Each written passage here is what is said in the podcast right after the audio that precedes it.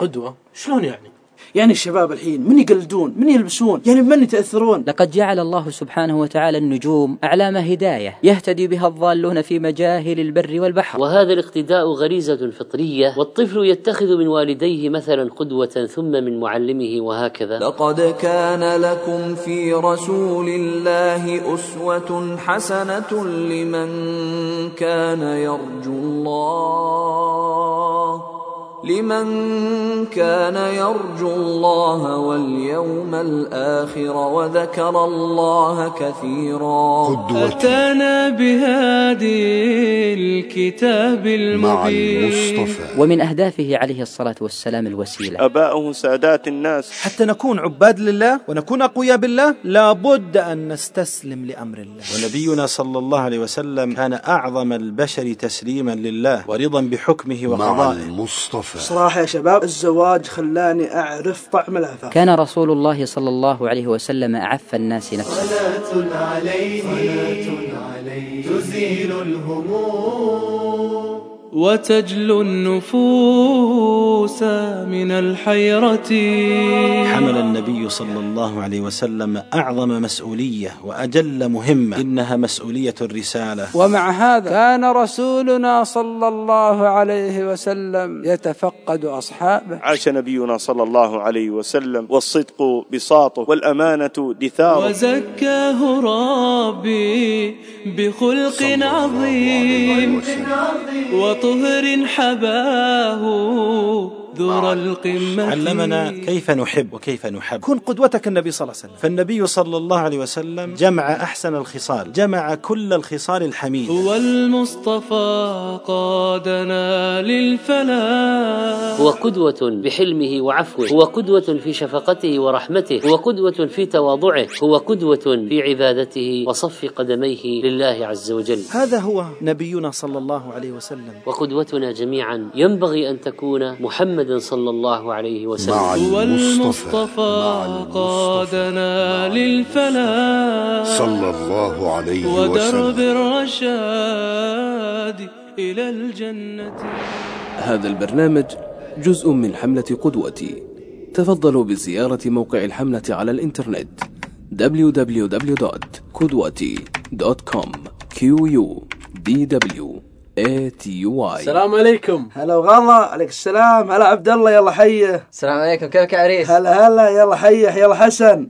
كيف حالكم يا شباب؟ شلونكم؟ والله بخير. هلا والله بالعريس شلون. الشباب يلا حيهم استريحوا استريحوا.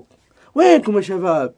كنت متوقع جيتكم من زمان. توكم تجوني الحين؟ آه أخوي أحمد علينا هالكلام. حنا ندري إنك رجال مشغول لا الله يسامحك يا عبد الله لا والله ما أنشغل عنكم أنا مستحيل.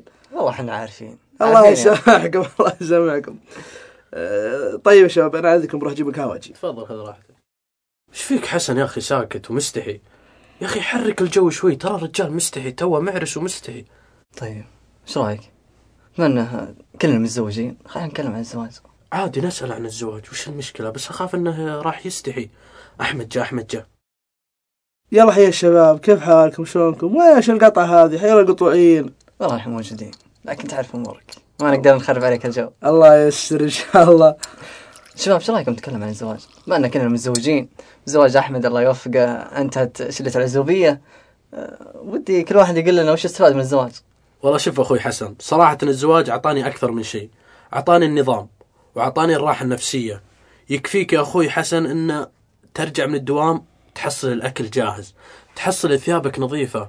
وفوق كذا الحمد لله زينة الحياة الدنيا الأولاد هم أجمل شيء في الزواج صراحة.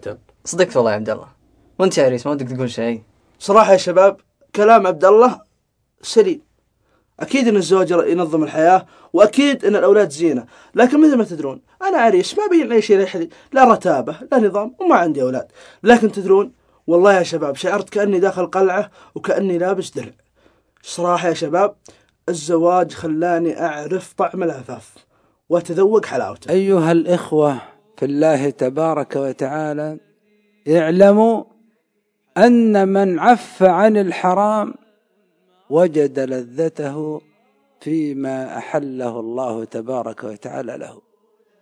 أيها الإخوة في الله أعرف شبابا قد عفوا فروجهم عن الحرام وعفوا أسماعهم عن استماع الحرام وعفوا أبصارهم عن النظر إلى الحرام يقسمون بالله تبارك وتعالى. أنهم بعد أن وفقهم الله سبحانه وتعالى للزواج وجدوا أن زوجاتهم ينظرون إلى زوجاتهم فيرونهم أنهم ملكات جمال العالم. ويقولون عن أنفسهم أنهم في فترة الملكة عاشوا معاكسات هاتفية مع زوجاتهم من ألذ ما يكون. والذين تركوا سماع ما حرمه الله تبارك وتعالى من الغناء يقولون وجدنا لذة في سماع القرآن. كل من عف عن الحرام وجد لذته في الحلال سواء كان زوجة أو أكلا أو شربا أو سماعا أو نظرا أو مالا أو نحو ذلك. أيها الأحبة في الله من عف عن الحرام وجد حلاوة في قلبه لإيمانه لفعله للطاعات ولتركه للمعاصي والمنكرات. وجد الشعور وجد شعورا بالسرور والرضا والبهجة والراحة النفسية والطمأنينة الداخلية.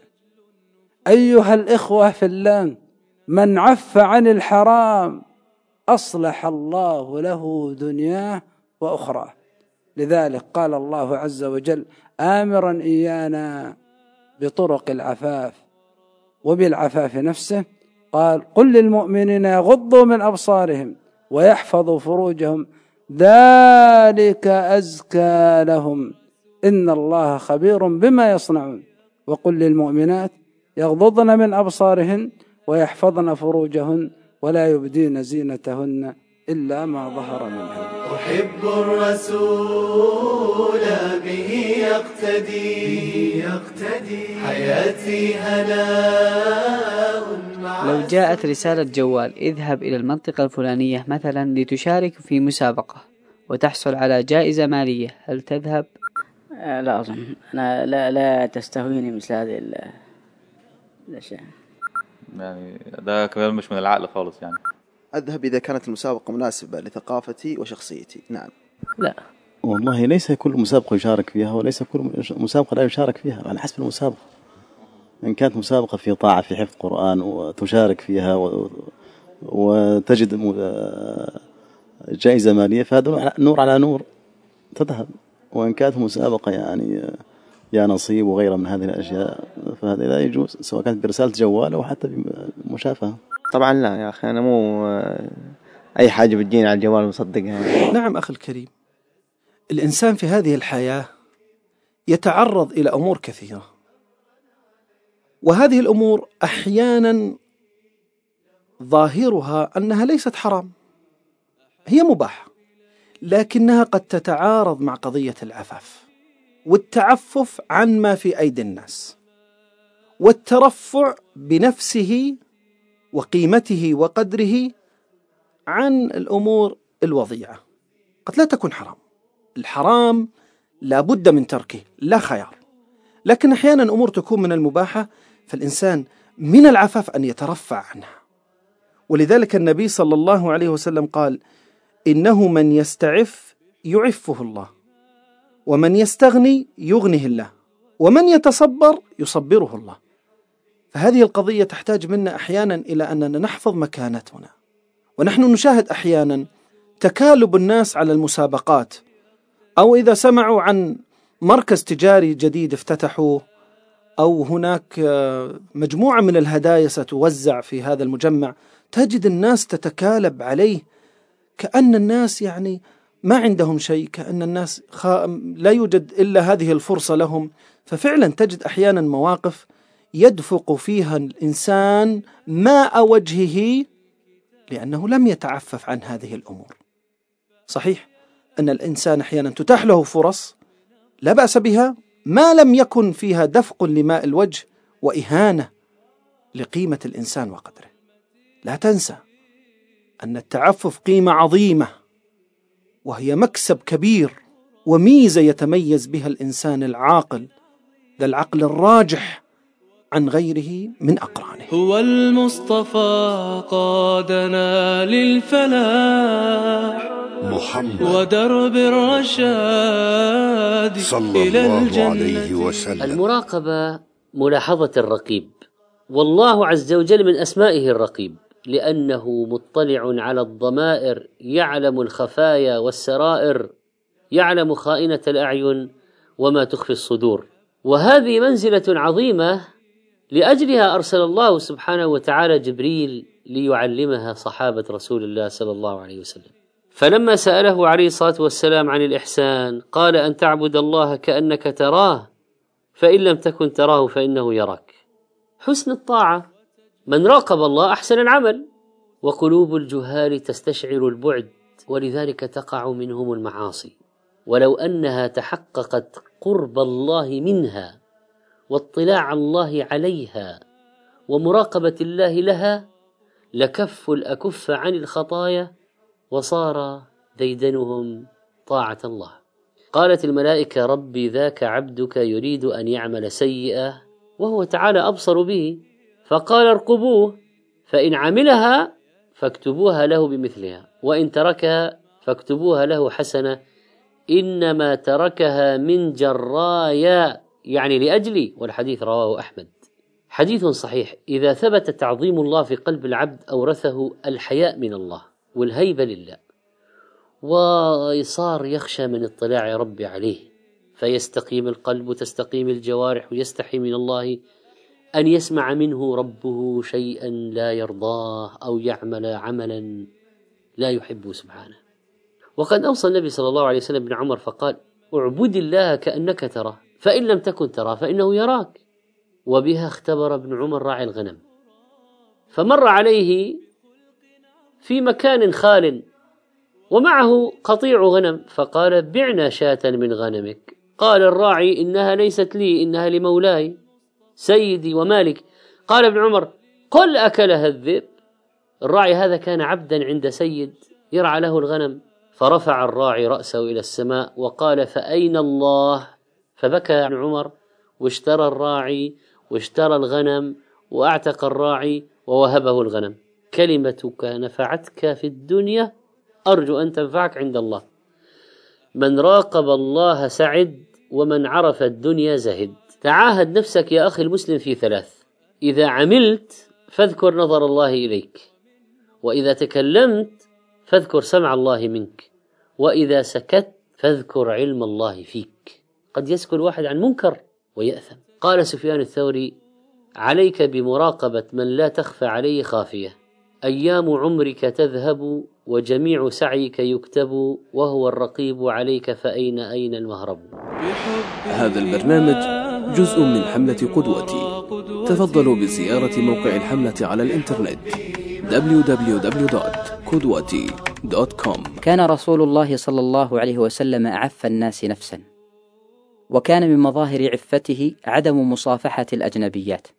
فقد روى البخاري وابن ماجة عن عائشة أن رسول الله صلى الله عليه وسلم كان يمتحن من هاجر إليه من المؤمنات بقول الله تعالى يا أيها النبي إذا جاءك المؤمنات يبايعنك الآية فمن أقرت بهذا الشرط من المؤمنات قال لها رسول الله صلى الله عليه وسلم قد بايعناك يقوله كلاما ولا والله ما مست يده يد امرأة قط في المبايعة ما بايعهن إلا بقوله بل إنه عليه الصلاة والسلام وهو طبيب القلوب وطبيب النفوس فهو داعية عفة وطهر. فقد روى الإمام أحمد عن أبي أمامة أن فتى من قريش أتى النبي صلى الله عليه وسلم فقال يا رسول الله ائذن لي في الزنا. فأقبل القوم عليه وزجروه وقالوا مه مه. فقال رسول الله صلى الله عليه وسلم أدنه فدنا منه قريبا. فقال عليه الصلاة والسلام أتحبه لأمك؟ قال الفتى لا والله جعلني الله فداك قال ولا الناس يحبونه لأمهاتهم. قال أفتحبه لابنتك؟ قال لا والله يا رسول الله جعلني الله فداك. قال ولا الناس يحبونه لبناتهم. قال أفتحبه لأختك؟ قال لا والله يا رسول الله جعلني الله فداك. قال ولا الناس يحبونه لأخواتهم؟ قال أتحبه لعمتك؟ قال لا والله يا رسول الله جعلني الله فداك. قال ولا الناس يحبونه لعماتهم؟ قال أتحبه لخالتك؟ قال لا والله يا رسول الله جعلني الله فداك. قال ولا الناس يحبونه لخالاتهم. قال فوضع يده عليه وقال اللهم اغفر ذنبه وطهر قلبه وحصن فرجه. قال فلم يكن بعد ذلك الفتى يلتفت إلى شيء. ولكل هذا قال جونس أوركس الأديب الإنجليزي لم نعلم أن محمدا نبي الإسلام صلوات الله وسلامه عليه تسربل بأي رذيلة مدة حياته. وبمظاهر عفته عليه الصلاة والسلام أنه كان يتعفف عن الأموال. فها هو يقول ما يسرني أن عندي مثل أحد ذهبا. تمضي علي ثلاثة وعندي منه دينار. إلا شيء أرصده لدين إلا أن أقول به في عباد الله هكذا وهكذا وهكذا عن يمينه وعن شماله ومن خلفه. وهو عليه الصلاة والسلام يعلم أمته طلب العفاف والتمسك به فقد أخرج البخاري ومسلم. عن أبي سعيد الخدري أن رسول الله صلى الله عليه وسلم قال إنه من يستعفف يعفه الله ومن يستغني يغنه الله ومن يتصبر يصبره الله. هو قدوتي في خشيتي وتمثلي. أمرا لرب الكون جل علاه مع المصطفى. كانت خديجة بنت خويلد رضي الله عنها امرأة أرملة ذات شرف ومال. تستأجر الرجال ليتجروا بمالها. ولما سمعت بالنبي صلى الله عليه وسلم وبصدقه وأمانته عرضت عليه أن يخرج في مالها إلى الشام تاجرا وتعطيه أفضل ما تعطي غيره من التجار. وخرج النبي صلى الله عليه وسلم بمالها تاجرا ورأت خديجة في مالها البركة. وأخبرت بشمائله صلى الله عليه وسلم فرغبت بالزواج منه. فتزوجها النبي صلى الله عليه وسلم وكانت أول امرأة تزوجها صلى الله عليه وسلم لم يتزوج غيرها حتى ماتت رضي الله عنها. كانت نعم الزوجة واست النبي صلى الله عليه وسلم بمالها ونفسها امرأة عفيفة عونا لنبينا صلى الله عليه وسلم حتى كان النبي صلى الله عليه وسلم يذكرها بالخير دائما. فعن عائشة رضي الله عنها قالت استأذنت هالة بنت خويلد أخت خديجة على رسول الله صلى الله عليه وسلم. فعرف النبي صلى الله عليه وسلم استئذان خديجة فارتاع لذلك. فزع النبي صلى الله عليه وسلم لما سمع صوت هالة أخت خديجة. فقال اللهم هالة. قالت عائشة فغرت. فقلت ما تذكر من عجوز من عجائز قريش حمراء الشدقين؟ هلكت في الدهر قد أبدلك الله خيرا منها. وتعني عائشة رضي الله عنها أن خديجة كانت كبيرة في السن سقطت أسنانها لا يرى بياض أسنانها إنما ترى الحمرة في اللثة أو في اللثاث. فرأت في النبي صلى الله عليه وسلم أنه غضب. فقالت رضي الله عنها والذي بعثك بالحق لا أذكرها إلا بخير. فالنبي صلى الله عليه وسلم لا يذكر خديجة إلا بخير. رزقه الله منها الولد وواسته في مالها فكانت خير زوجة لنبينا صلى الله عليه وسلم. هذا البرنامج جزء من حملة قدوتي.